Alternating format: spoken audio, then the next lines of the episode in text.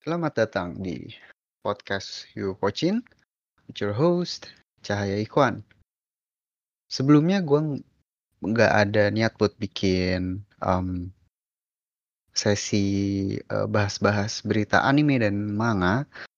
Mau langsung bahas One Piece aja 991 cuman uh, tiba-tiba ada breaking news yang kebetulan tentang One Piece juga dan ya ini bukan berita yang menyenangkan. Jadi um, kalau kalian baca, kalau kalian suka perhatiin gitu kan, kan One Piece suka break. Terus kalau memang break bakal ada tulisannya kayak One Piece will, be on break uh, next week. Dan kita tidak melihat itu di chapter 991.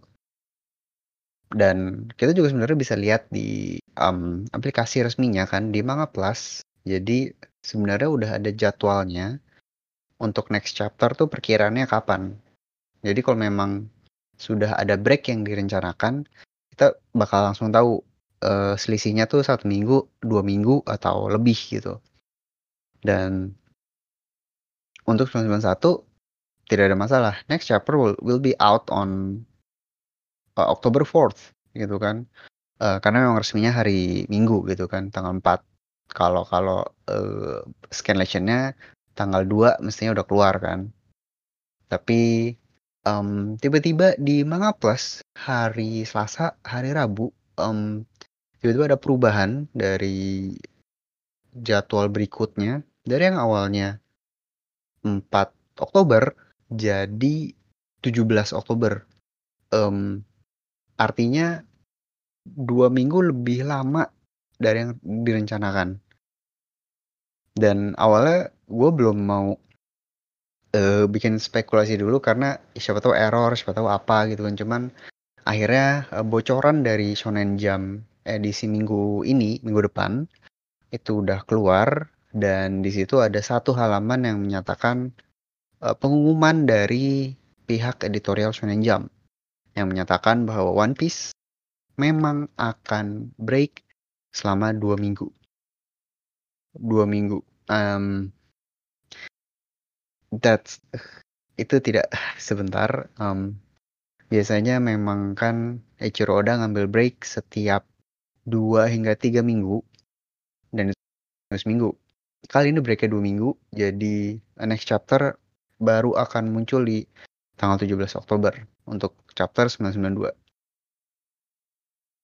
Untuk penyebabnya sendiri um, dari pengumumannya ini ya yang bocor ini penyebabnya adalah Oda Sensei uh, tiba-tiba jatuh sakit.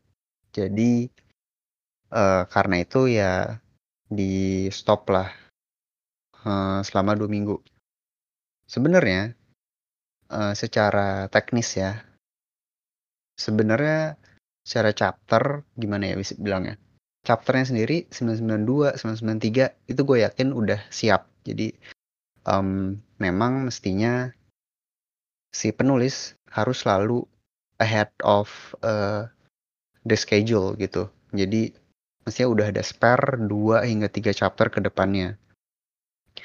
Cuman um, ini adalah kasus di mana kalau kalau sakit bisa dibilang nggak uh, bisa nggak bisa diterbitin gitu. Karena um, ya banyak faktor lah. Ini biasanya kalau misalkan uh, authornya liburan pokoknya bukan karena hal-hal yang tidak diinginkan lah gitu. Nah ini juga salah satunya jadi ya udah break dua minggu. Padahal um, di outer comment jadi di Shonen Jump tuh setiap penulis ada kayak panel ada satu halaman mereka bebas mau komen apa aja. Kadang ada yang cerita kayak keluarga cerita um, apa namanya kalau serialnya diangkat jadi anime terus ada juga yang dia kayak shout out ke entah itu manga atau video game lain. Dan uh, kebetulan di chapter 991 Oda itu komentar. Jadi di Shonen Jump edisi itu dia komentar um, impian gua adalah mencapai chapter 1000 di akhir tahun 2020 gitu dan sebenarnya kalau kita coba hitung secara kasar gitu ya, kita di bulan Oktober, eh, November, Desember ada sekitar berapa? 8 eh, hingga 10 weekend. Jadi mestinya cukup gitu ya. Uh, karena kita di 991 sekarang. Walaupun suka ada break juga. Cuman ya dengan adanya uh, keadaan tiba-tiba seperti ini, kayaknya uh, impian Oda tidak bisa tercapai dan kita semua harus bersabar. So, uh, ya, break dua minggu dan gue ya kita semua cuma bisa berharap lah ya kita semua uh, berdoa kita semua um, mengharapkan yang baik-baik kepada Eiichiro Oda Sensei agar dijaga kesehatannya, diberikan yang ya dijauhkan dari hal-hal buruk dan bisa kerja lagi lah. Dan tapi lebih penting lagi dia bisa sehat lagi gitu. Karena well to be honest if there's one good thing out of 2020 it's it's it's that one piece that is still continuing so uh, we cannot let that stop also stop right so yeah uh that's it for the breaking news. And setelah ini uh, akan ada review dari One Piece chapter 991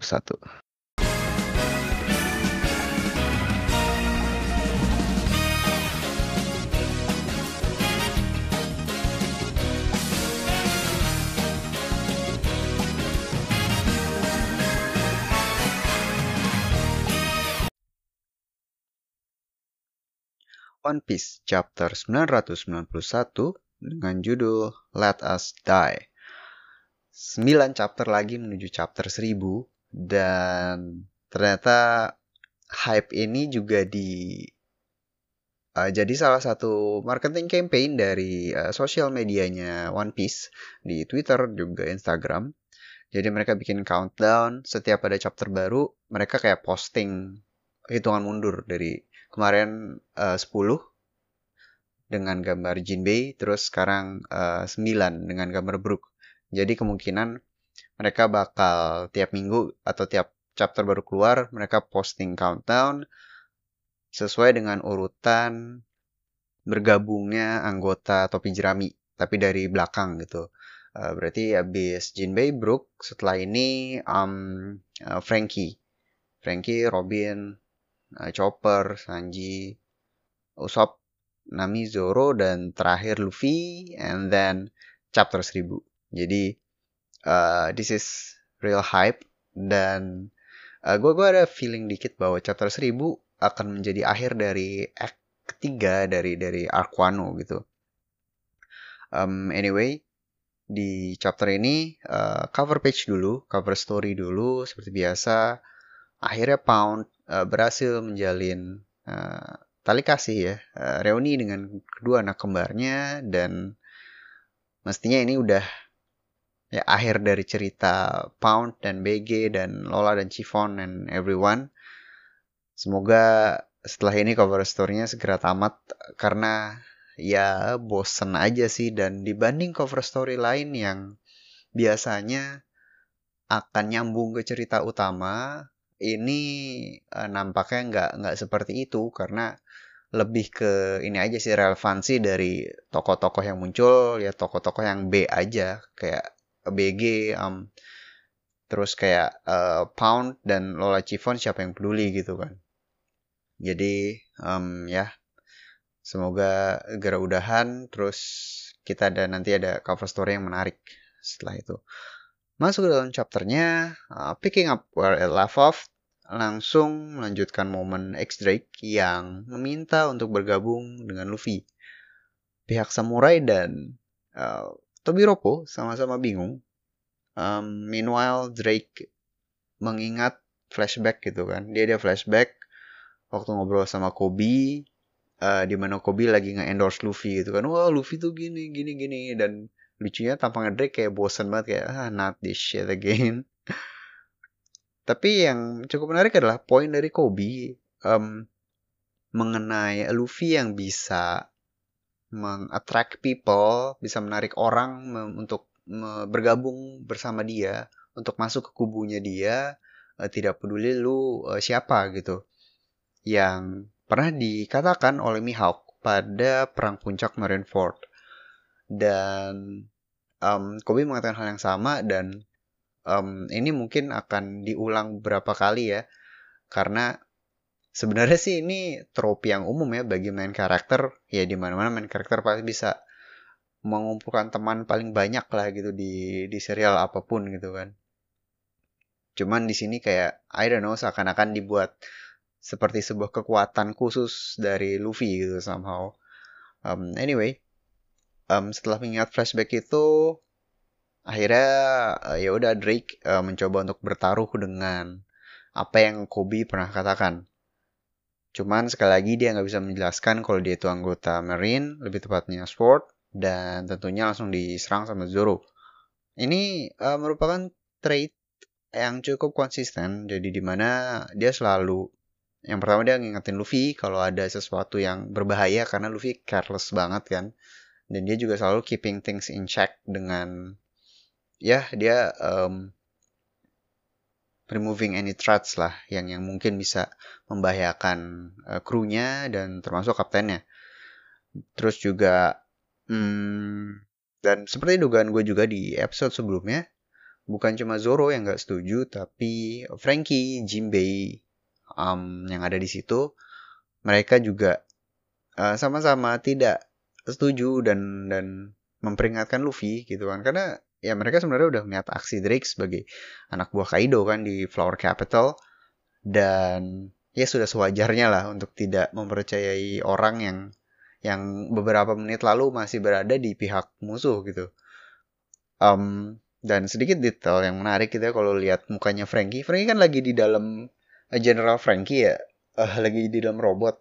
Cuman mukanya berekspresi gitu, muka robotnya kocak sih. Dan dan lebih kocak lagi Ternyata kita melihat Luffy being Luffy, dia mengulang hal yang sama seperti waktu dulu aliansi sama Lau di mana dalam uh, satu dua pertanyaan terus oke okay, lu teman gue gitu. Oke okay, kita aliansi. Dan uh, dia mengatakan hal yang sama dengan Drake gitu kan kayak ah nggak apa-apa dia dia teman kok. Terus yang lain pada marah-marah gitu kan. Oh kapten macam apa lu? Malah dimarah-marahin dan um, ya inilah Luffy Cuman uh, ada yang bilang juga sih kalau kalau ini di ini kayak bukti bahwa um, Ken Bunshoku hakinya Luffy, observation hakinya Luffy itu yang karena sudah makin jago, dia bisa menilai kejujuran seseorang hanya dengan uh, bertatapan dan satu dua pertanyaan. Um, agak berlebihan mungkin melihat ini, tapi um, yang jelas ya Luffy kan anaknya polos banget ya jadi um, dia bisa tahu lah gitu mana yang mana yang jahat mana yang enggak. Um, anyway di um, di sisi yang berseberangan uh, dua kakak beradik uh, dinosaurus Pechuan dan Ulti menyadari bahwa Luffy adalah pemimpin dari kelompok bajak laut dan sekarang berusaha mengincarnya Sebelum mereka berhasil mencapai Luffy dan Sanji yang lagi nemenin Luffy, Pechuan di, uh, diserang oleh jurus Green Star yang tidak lain tidak bukan merupakan milik uh, God Usopp. Dan tapi sebelum masuk ke scene ini, um, little detail gitu kan Sanji masih aja sempat-sempatnya ngesimp uh, sama ulti gitu kan. Uh, uh, siapa wanita cantik itu kayak Sanji Bing Sanji. Walaupun cukup hebat ya maksudnya dia cuma habis ngomong itu ya udah tetap lanjut lagi sama Luffy. I guess that's character progression.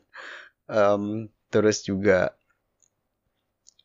um, setelah itu uh, Ulti yang memang overprotective sama adiknya ini kan langsung langsung marah-marah terus kayak oh siapa nih yang ngajar adek pai pai pai pai kesayanganku? Gitu kan. Dan dan di sini kita melihat yang scene yang aduh kocak banget.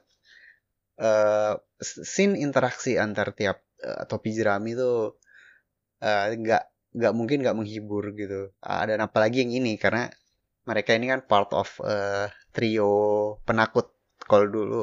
Dulu mungkin bisa bilang trio lemah tapi melihat kemampuan mereka sekarang ya udah makin kuat iya tapi masih penakut. Jadi trio penakut gitu. Bersama chopper satu lagi.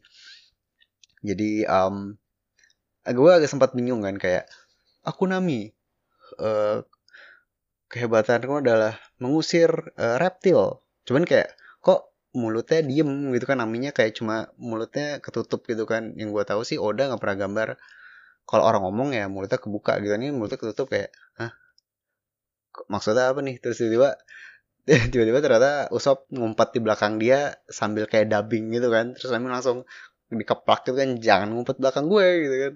Itu uh, klasik klasik scene klasik Usop dan klasik Nami juga. Karena setelah um, ulti terlanjur ini kan oh dia tuh yang ngajar ini nih dia yang ngajar Pai Pai langsung langsung gua gua kejar nih. Terus Nami yang kayak hmm ya udah toh battle udah mulai. Kalau begitu ayo hadapi aku terus terus sambil kabur. Jadi um, ini uh, lucu banget dan dan dan somehow ini tiba-tiba jadi sebuah match up yang sangat menarik I mean duo Nami dan Usopp versus Patch One dan Ulti so I never imagined that this would happen, but yeah, here we are. So maksudnya, I mean Nami dan Usopp sebagai ya perwakilan sebagai perwakilan dari trio penakut berhadapan dengan Flying Six eksekutif dari Yonkou tentunya bikin penasaran dong apalagi uh, Nami sudah tidak memiliki Zeus karena Zeus udah di udah udah diambil lagi sama Big Mom kan. Dan malah terakhir dikalahin sama Brook. Jadi dan sekarang guling-guling mereka kan Big Mom sama uh, Prometheus dan Zeus. Jadi uh, definitely Nami gak punya upgrade Zeus yang menurut gue kalau ada uh, gue fine maksudnya. Uh, bisa lah dia ngelawan seorang Flying Six gitu. Tapi nggak ada dan sebenarnya gue malah jadi makin tertarik karena fight-fight yang model gini tuh kita udah nggak pernah lihat sejak New World. Fight yang gue maksud adalah fight di mana bukan cuma adu kekuatan. Jadi um, yang ada taktiknya, yang ada lucu-lucuannya, yang ada triknya. I mean, Nami dan Usopp adalah jagonya untuk hal ini gitu kan.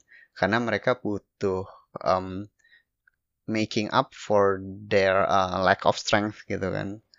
Jadi um, dan kalau sampai mereka bisa menang lawan Page One dan Ulti menurut gue keren banget. Cuman ya um, match upnya belum tentu final gitu kan karena uh, sesimpel ini deh Enies Lobby gitu kan. Awalnya kan Sanji ketemu Khalifa uh, Sanji kalah karena nggak bisa lawan cewek terus akhirnya di um, Nami tag in gitu kan Nami lawan Khalifa.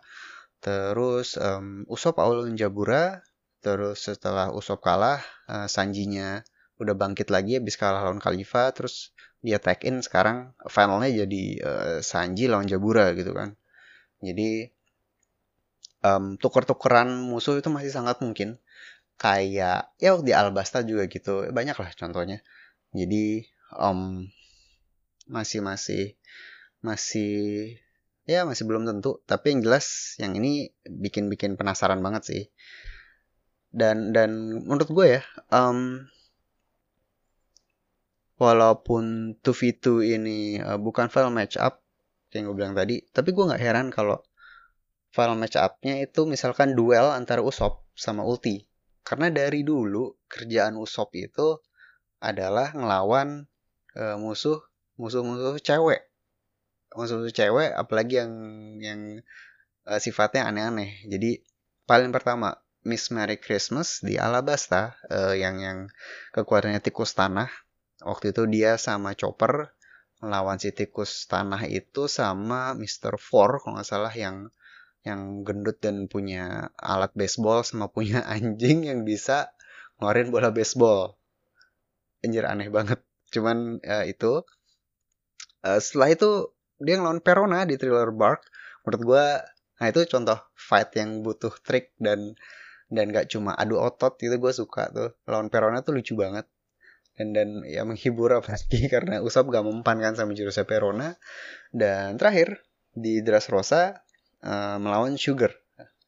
Jadi kan um, yang di mana akhirnya dia unlock kakinya kan si Usop terus dia bisa snapping dari jauh dan bisa menghentikan Sugar dari mengubah semua um, orang di Dressrosa jadi mainan gitu kan. Uh, eh atau lebih tepatnya dia ngebalikin efek dari boy beastnya gitu kan di di, di cancel Jadi uh, nggak heran kalau kalau Usop nanti final match up lawan Ulti gitu. Ya cocok aja gitu. Um, anyway, uh, we'll see ya nanti. Um, dan sementara itu ada hal yang sama menarik ya buat dibahas yaitu Sanji atau lebih tepatnya uh, sikap Sanji terhadap Usop. Jadi um, background info yang udah kita tahu adalah Sanji udah tahu sekuat apa Page One uh, karena mereka udah pernah sparring kan di Flower Capital. Dan dalam situasi yang mengancam nyawa Nami Swan, kesayangan Sanji, ia mempercayakan pertarungan ini kepada Usopp sepenuhnya. Dan setelah itu dia langsung lanjut nemenin Luffy karena ada yang lebih penting in this case, yaitu untuk cepat-cepat ke atap Onigashima untuk menghadapi Kaido. Hal ini, menurut gue, menunjukkan karakter growth yang bukan cuma dari Sanji, tapi juga Usopp. Jadi, uh, momen Sanji dan Usopp ini kita pernah lihat momen yang mirip tapi outputnya beda di arc Enies Lobby. Jadi, pada saat sempat gue bring up cuman dalam konteks yang berbeda waktu Usop dihajar babak belur sama Jabura si serigala terus begitu Sanji udah datang kan dia minta maaf karena sorry gue lemah banget gue nggak bisa ngelawan orang ini um, gue nggak bisa apa-apa gitu kan. Cuman uh, Sanji yang memang lebih kuat dan lebih pantas buat mengalahkan Jabura dia di situ dia nggak ingin straight out mengatakan hal tersebut dan dia nggak pengen kayak uh, oke okay, lu mundur biar gue yang hadepin si serigala ini. Karena um, dia nggak enak dalam artian kan itu kayak ya ibaratnya katanya uh, melukai harga diri lah gitu. Maksudnya uh, orang yang lemah disuruh mundur gitu. Jadi uh, tapi memang kenyataannya gitu. Jadi daripada bilang gitu akhirnya Sanji bilang ke Usop bahwa uh, ada yang bisa gue lakukan tapi lu nggak bisa lakukan. Tapi begitu juga sebaliknya. Jadi uh, Usop gue minta tolong lu untuk lakukan hal yang cuma bisa lu lakuin tapi nggak bisa gue lakuin dan akhirnya Usop mengerti uh, dia cabut sama Nami dan uh, Sanji bisa fokus melawan Jabura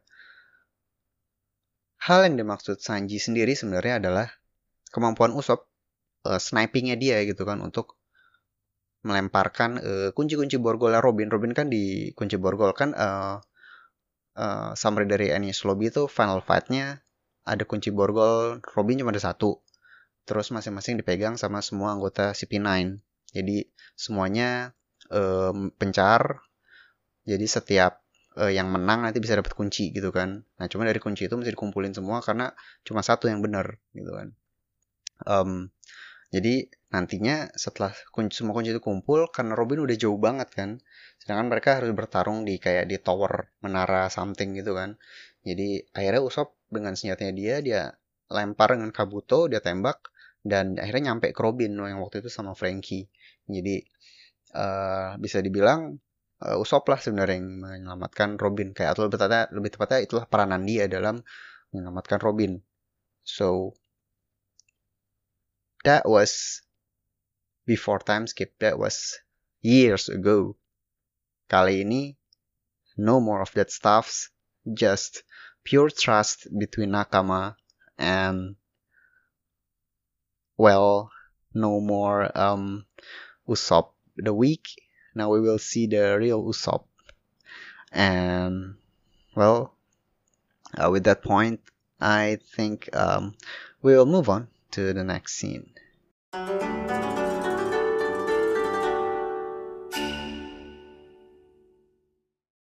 Setelah Nami dan Usop kabur uh, dan dikejar oleh Ulti dan Pechwan, Sanji menerjang maju uh, nemenin Luffy untuk ya tentunya mencapai atap dari Onigashima. Sebelum ya tentunya banyak banyak banyak halangan dan rintangan dan um, Luffy dengan dengan future sight-nya uh, dengan haki Kenpun Shoku-nya menginstruksikan Sanji uh, agar menutup telinganya karena tidak lama setelah itu Apo datang dan menyerang mereka.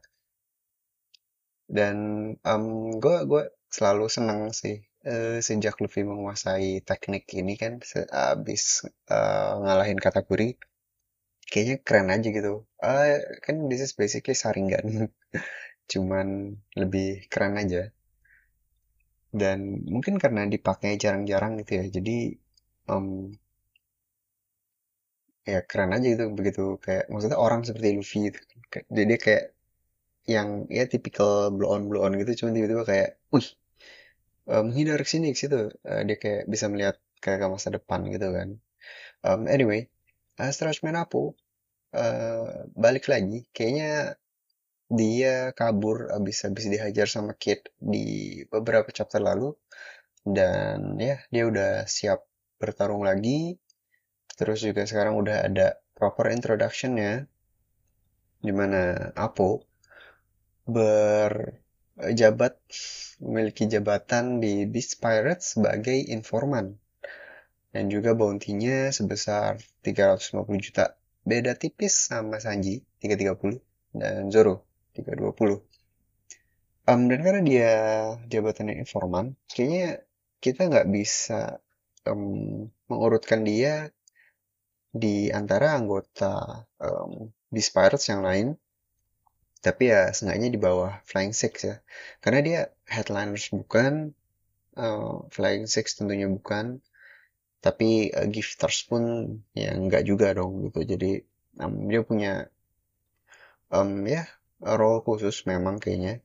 Dan uh, setelah itu dia juga meng-highlight betapa kuatnya numbers karena pekerjaan terakhir Apo memang barang-barang mereka kan. Jadi mereka begitu nyampe ke Onigashima kan si Apo bawa semua numbers itu.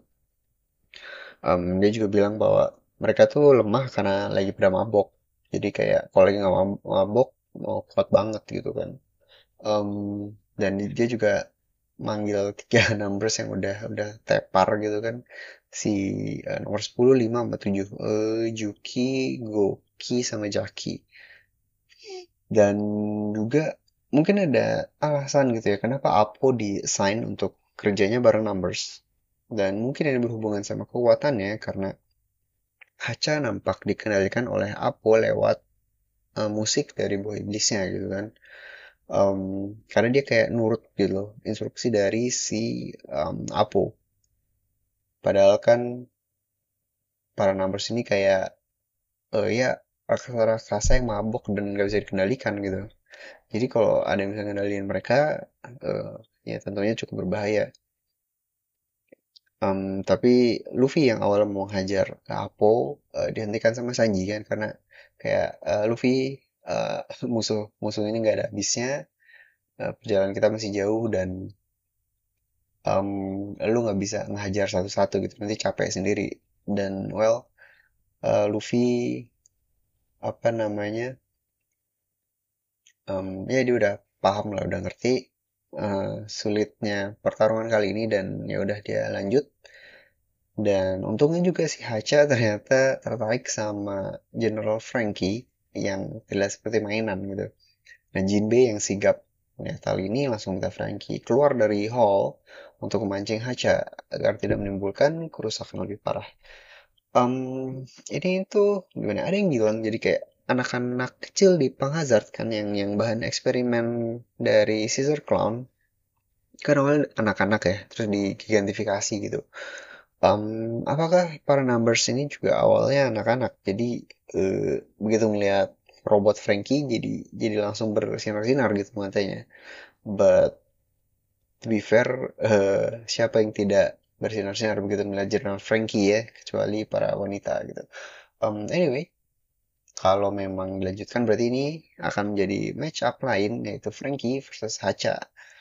Um, seperti yang Luffy bilang kan kalau kalau dulu melawan satu raksasa bakal kerepotan uh, seperti hal di Thriller Bark. Tapi sekarang saya sudah jadi nggak masalah dan ya kita kita lihat apakah Frankie bisa one on one melawan raksasa gitu. Sementara itu Zoro masih uh, ngetes Drake dalam tanda kutip dan well setelah um, berargumen sambil beradu pedang gitu kan dia kayak uh, mulai percaya dengan dengan apa yang Drake bilang. Um, dia menganggap ya Drake cukup jujur walaupun ada yang disembunyikan. Di mana well Zoro benar karena uh, fakta bahwa Drake merupakan anggota angkatan laut tidak mungkin keluar dari mulutnya.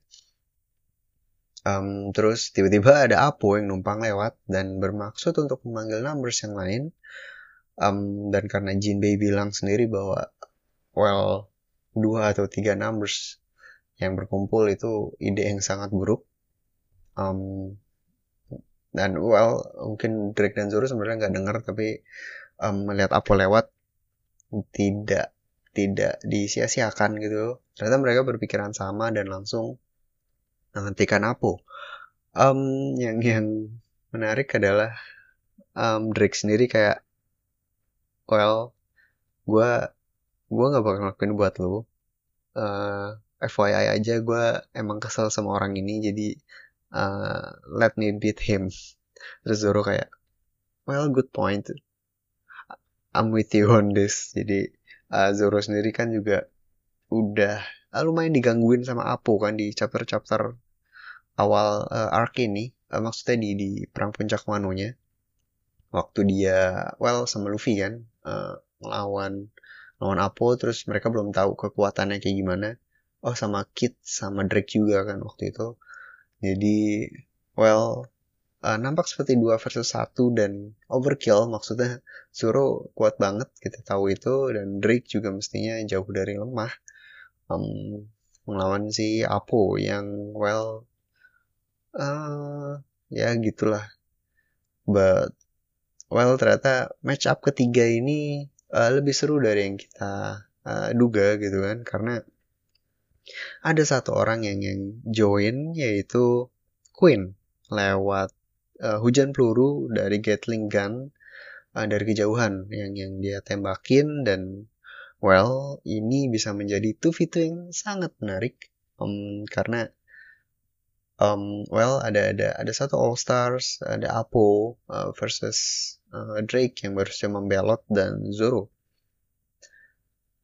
Dan yang lebih menarik adalah ekspresi, ekspresi penuh keheranan gitu kan dari Drake terhadap peluru yang Queen gunakan.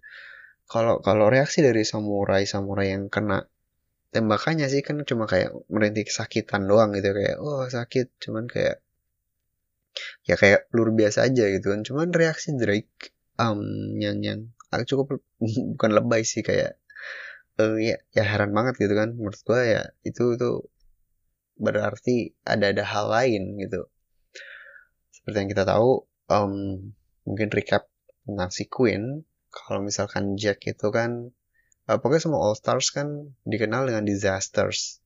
Mereka punya julukan yang uh, mirip-mirip dengan bencana alam. Jadi kayak uh, Jack Jack itu drought uh, kekeringan.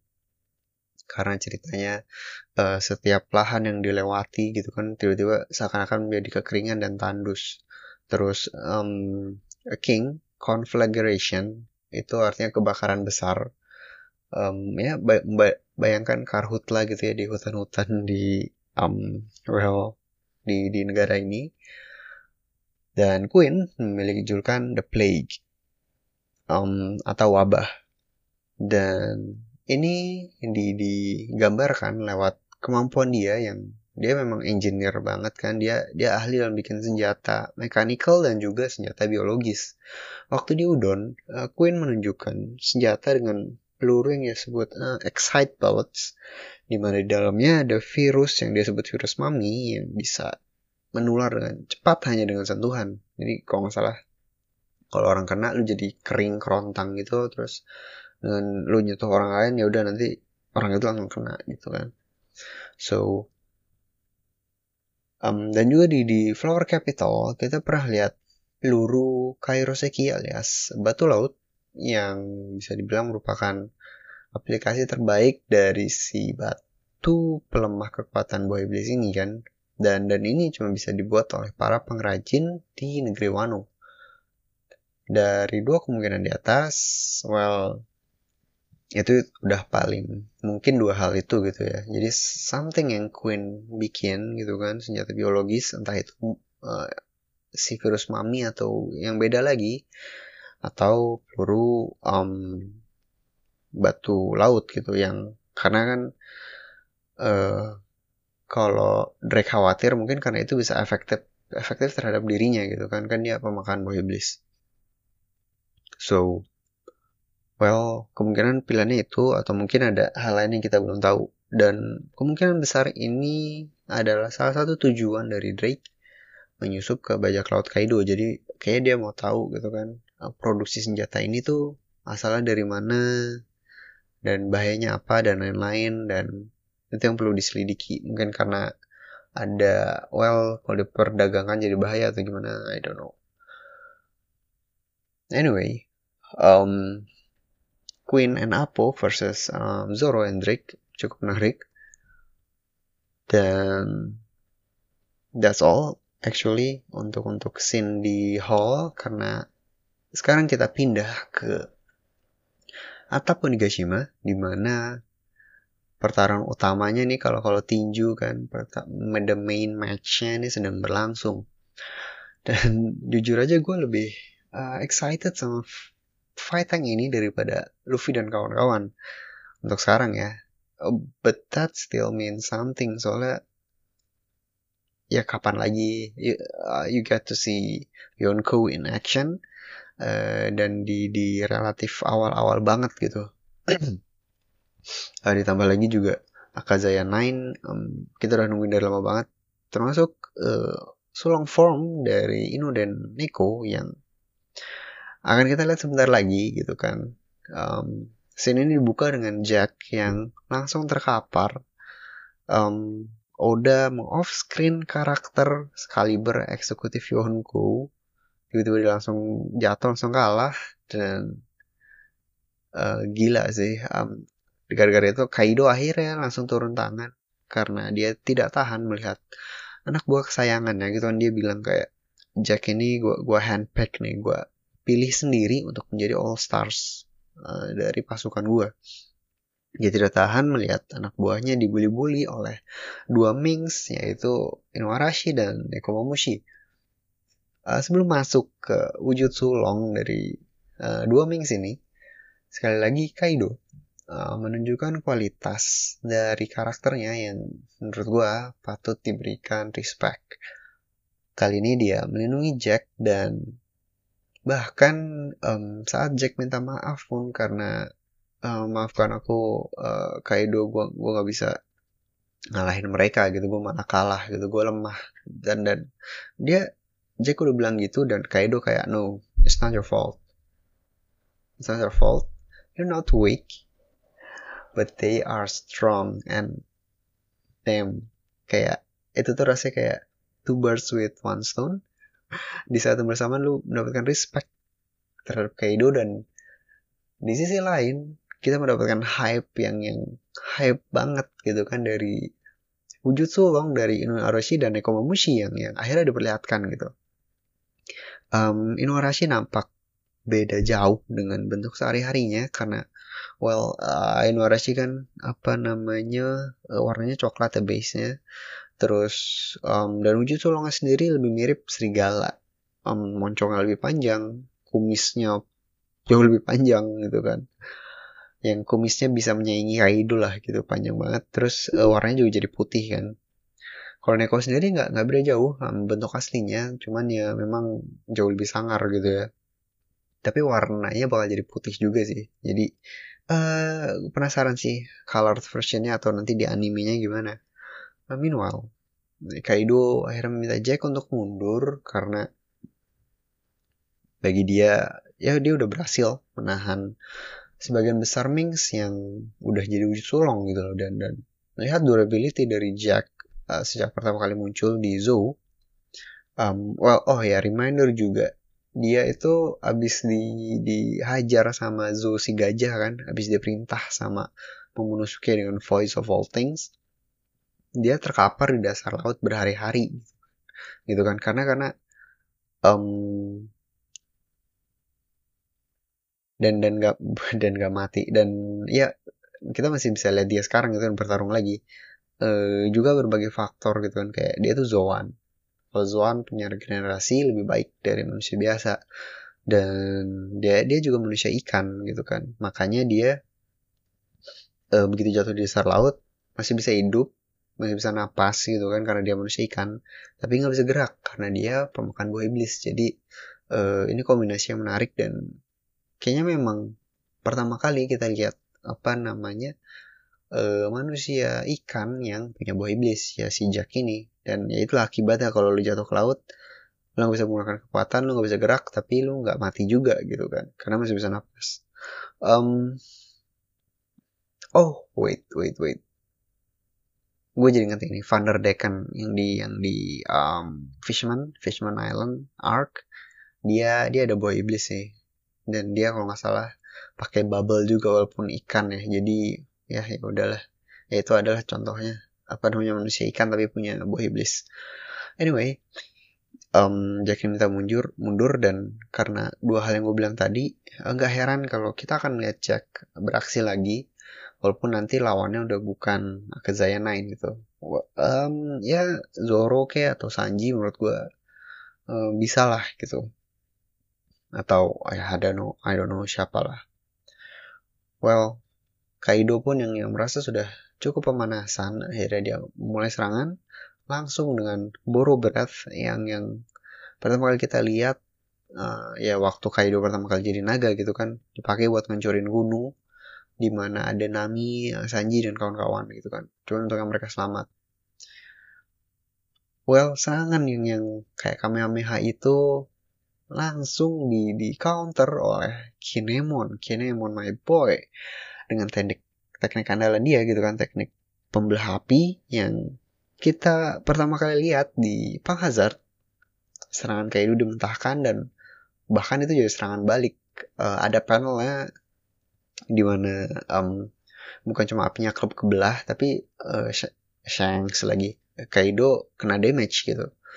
So wow menurut gue ya benar-benar pantas lah Kinemon menjadi pemimpin dari kelompok Akazaya Nine dan agak sedikit terharu karena um, dari dari momen dia masih pantat yang bisa berbicara gitu kan di, di Pang Hazard.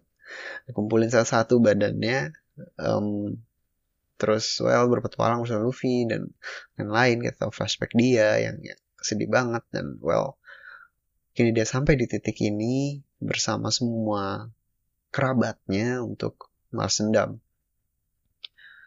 Dan dan juga dengan mental yang udah siap mati dan pantang mundur Kalido akan menghadapi musuh yang jauh lebih sulit daripada Oden mereka sudah siap mati um, well in a sense Kaido juga pengen mati kan, so akankah mereka mencapai win-win solution dengan sama-sama mati?